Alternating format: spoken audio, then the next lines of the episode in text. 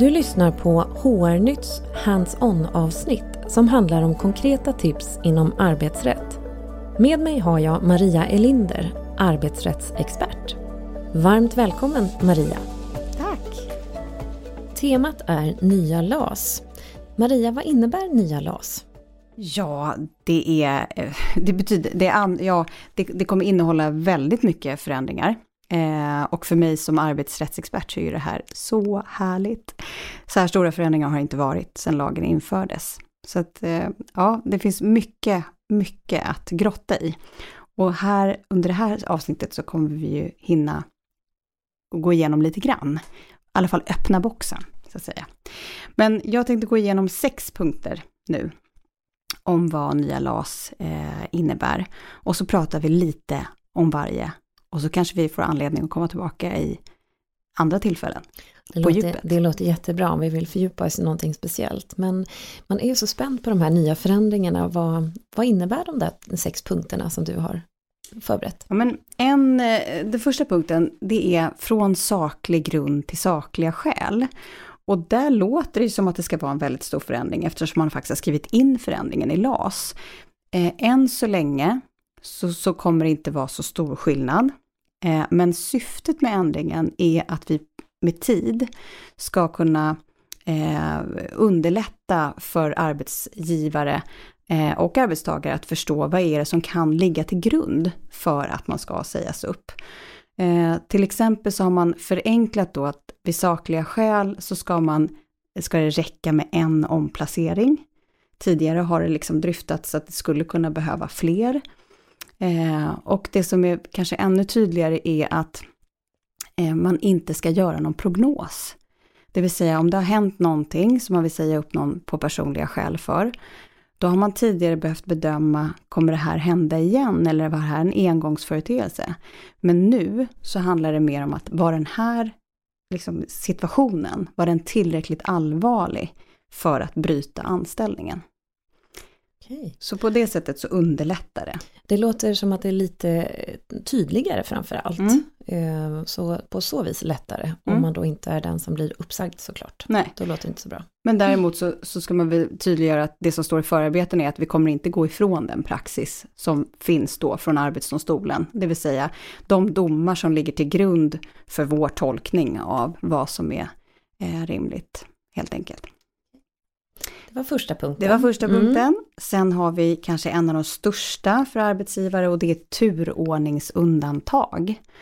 Och det har ju tidigare varit möjligt att göra undantag i, i LAS, eh, lagen om anställningsskydd, men bara för företag som har haft max 10 anställda. Och det har betytt då att man kan helt enkelt undanta två nyckelpersoner från turordningen. Eh, och numera i den nya LAS som då gäller från 1 oktober i år så får alla företag oavsett storlek undanta tre personer. Och det gör ju att en arbetsbristsituation blir faktiskt helt annorlunda. Därför att du har en turordning där du kan plocka bort kanske de tre anställda som var anställda sist. För att du anser att de personerna har den nyckelkompetens som ni har behov av.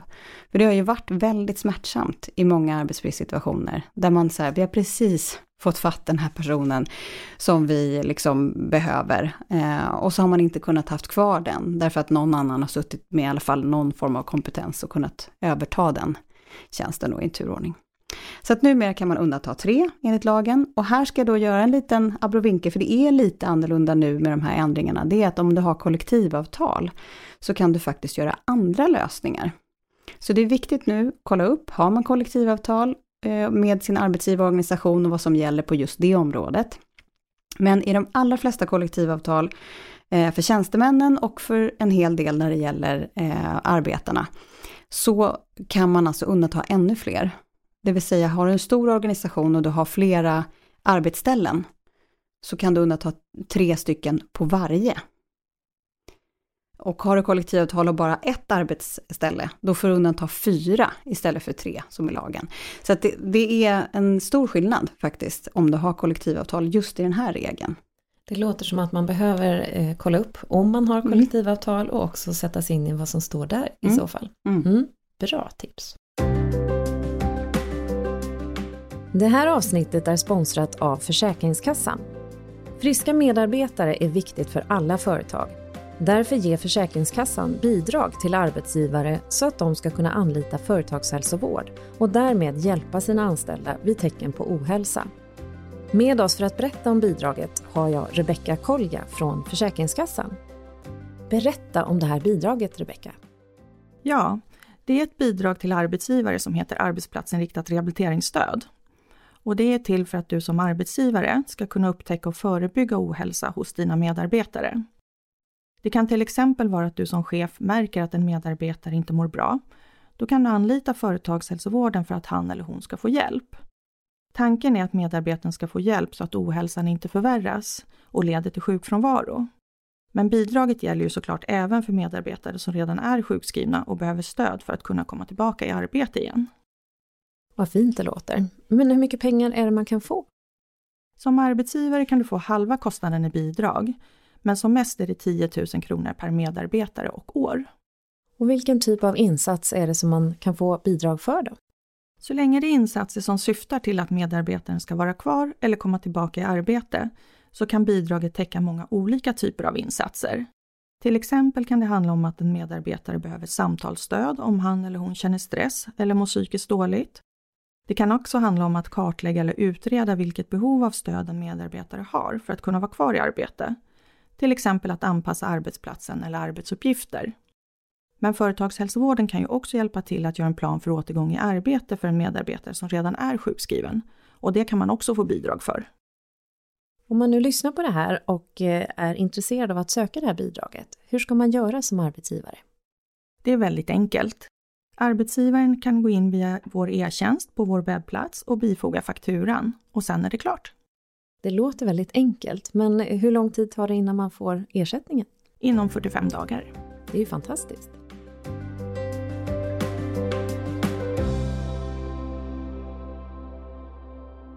Då tar vi punkt tre. Och där är det också en stor eh, nyhet, eller vad säga, en efterlängtad nyhet för många arbetsgivare och det är att om man säger upp en person på personliga skäl och den personen väljer att tvista, det vill säga den anser inte att den här har varit giltig, den här uppsägningen, då har ju i tidigare LAS anställningen bestått ända fram till tvisten är löst. Och i värsta fall kan det betyda att man har den här personen anställd i bolaget fram till Eh, en dom i Arbetsdomstolen. Och det kan ju ta ett och ett halvt år innan den är klar. Och då får man alltså betala lön under hela den tiden och jag menar, när det har funnits argument för personliga skäl, då är det ju ofta att den personen inte funkar på arbetsplatsen. Så oftast har man kanske fått arbetsbefria den i ett och ett halvt år. Och det har ju varit en otrolig kostnad för bolagen. Verkligen, och jag vet att man i, vissa eh, situationer då har valt att gå på avsked istället, vilket ja. inte egentligen har varit korrekt, Nej. men för att egentligen kringå eh, ja, den, den där bestämmelsen. Så numera mm. så är det alltså så att mm. den här anställningen upphör oavsett frist mm. efter uppsägningstiden. Mm, det låter rimligt. Mm.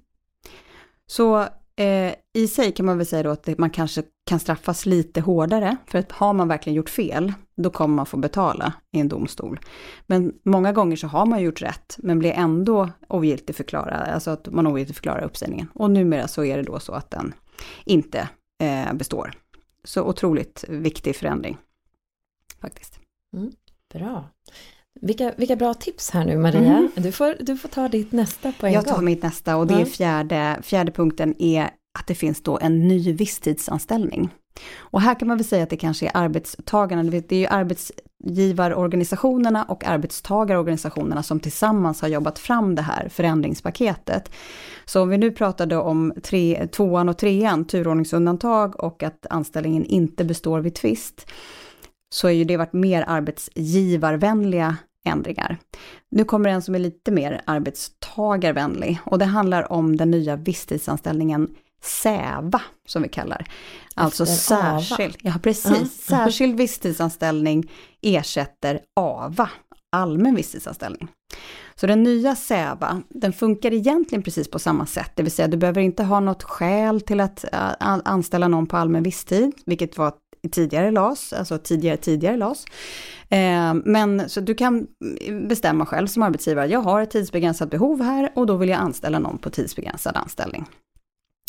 Och då kan man precis som AVA då, eller allmän anställa på den här SÄVA. Det är bara det att 1. Efter 12 månader så blir det en tillsvidareanställning. Och AVA som vi hade förut var ju 24 månader. Så här blir man ganska snabbt eh, tillsvidareanställd. Och det är ju någonting som man som arbetsgivare verkligen måste ha koll på. När och hur, liksom hur långt skriver de här avtalen på? När går det över till en tillsvidareanställning? För då har man ju inte längre skäl att säga upp om det inte blir en arbetsbrist. Eller personliga skäl då. Eh, det andra som är lite eh, eller inte så lite utan ganska mycket annorlunda, det är att man lägger ihop arbetspass under en månad. Om du har tre pass på en månad, då räknas all mellanliggande tid som anställningstid. Så säg att du jobbar ditt första pass den 3 eh, oktober och sen har du ett den 15, 15 oktober och sen fast kanske 27 oktober. Då räknas all tid däremellan som anställningstid. Och det betyder ju att om du har då, då massa timmisar, man ska säga, eller folk som är inne lite olika dagar, ganska snabbt också kommer upp i 12 månaders anställningstid och då blir tillsvidareanställda. Inför sig på den sysselsättningsgrad som man har haft, så har man haft tre pass i veckan så blir ju inte det många timmar.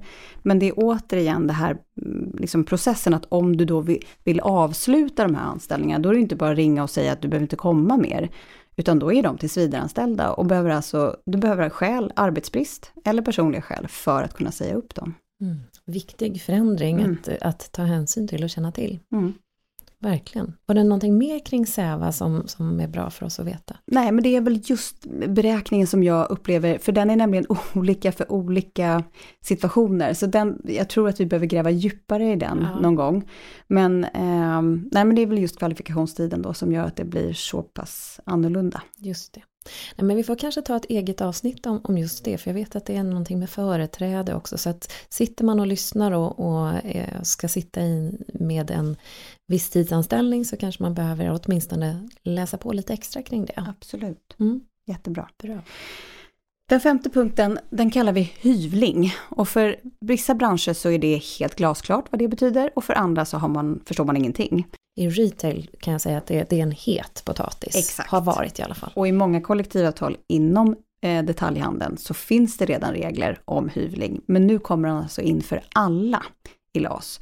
Och det betyder alltså när man gör en omorganisation och istället för att säga upp personer så, eh, så ändrar man sysselsättningsgraden. Så man skär liksom hyvlar istället för att skära bort delar. Eh, och numera då i LAS så säger man att eh, det kan man göra, men man får göra det i turordning. Och det betyder att man tittar på hur lång anställningstid man har innan man då delar ut de här olika sysselsättningsgradstjänsterna. Och då finns det också en regel som säger då att den som är sist anställd ska få första erbjudandet. Oj, ursäkta.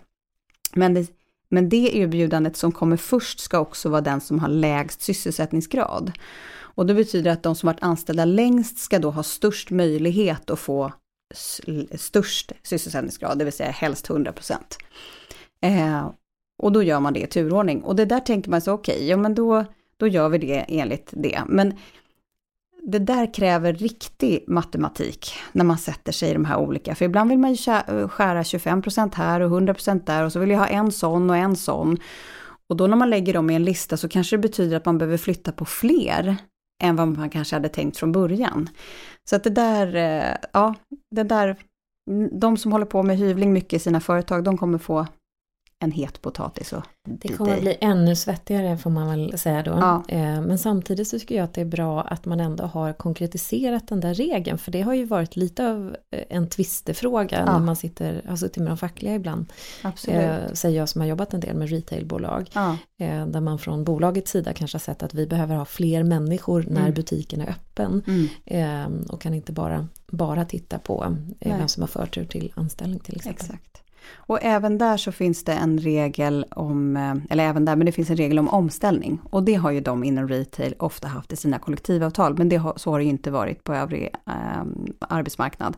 Och det betyder att man också får sin uppsägningstid får man då räkna som omställningstid. Så att du kommer inte ändra sysselsättningsgrad förrän den perioden har gått. Nej. Det, det är också rimligt tycker jag. Ja.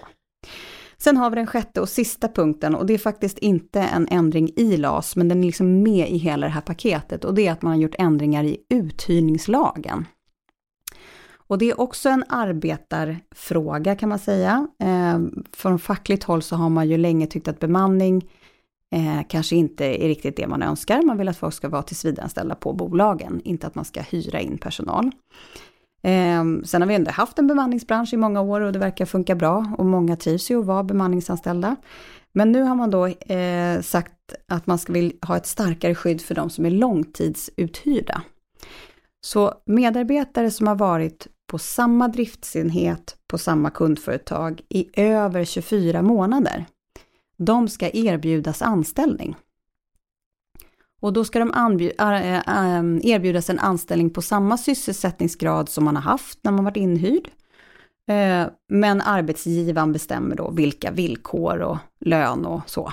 Men man ska få ett rejält anställningserbjudande. Och det får inte vara en visstid och det får inte vara en provanställning, utan det ska vara en tillsvidareanställning.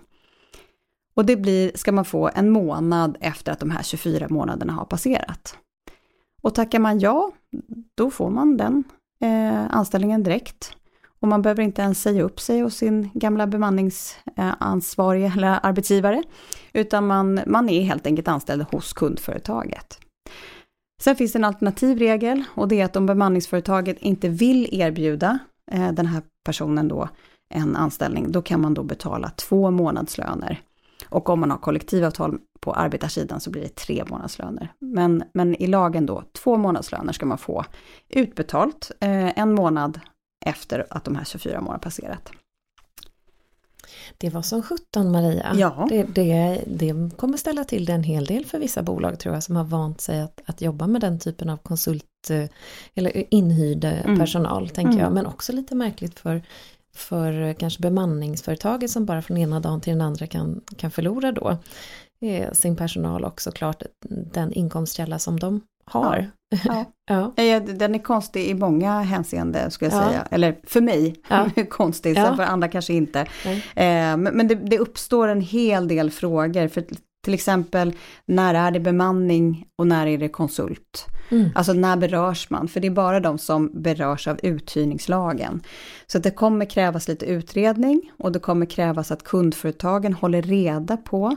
Och det här kan man inte lägga över på bemanningsföretagen, för det här är alltså en medarbetarrättighet. Mm. Så även om jag har bytt bemanningsföretag tre gånger, men är kvar på samma driftenhet, så det är fortfarande min rättighet som uthyrd att få det här erbjudandet. Så man kan inte lägga över att mitt bemanningsföretag ska hålla reda på hur länge folk har varit inne. Utan det är faktiskt min uppgift som kundföretag att göra det. Fantastiskt. Men det var de sex punkterna det var i nya LAS. Ja. Eh, jättebra. Tusen tack Maria. Tack.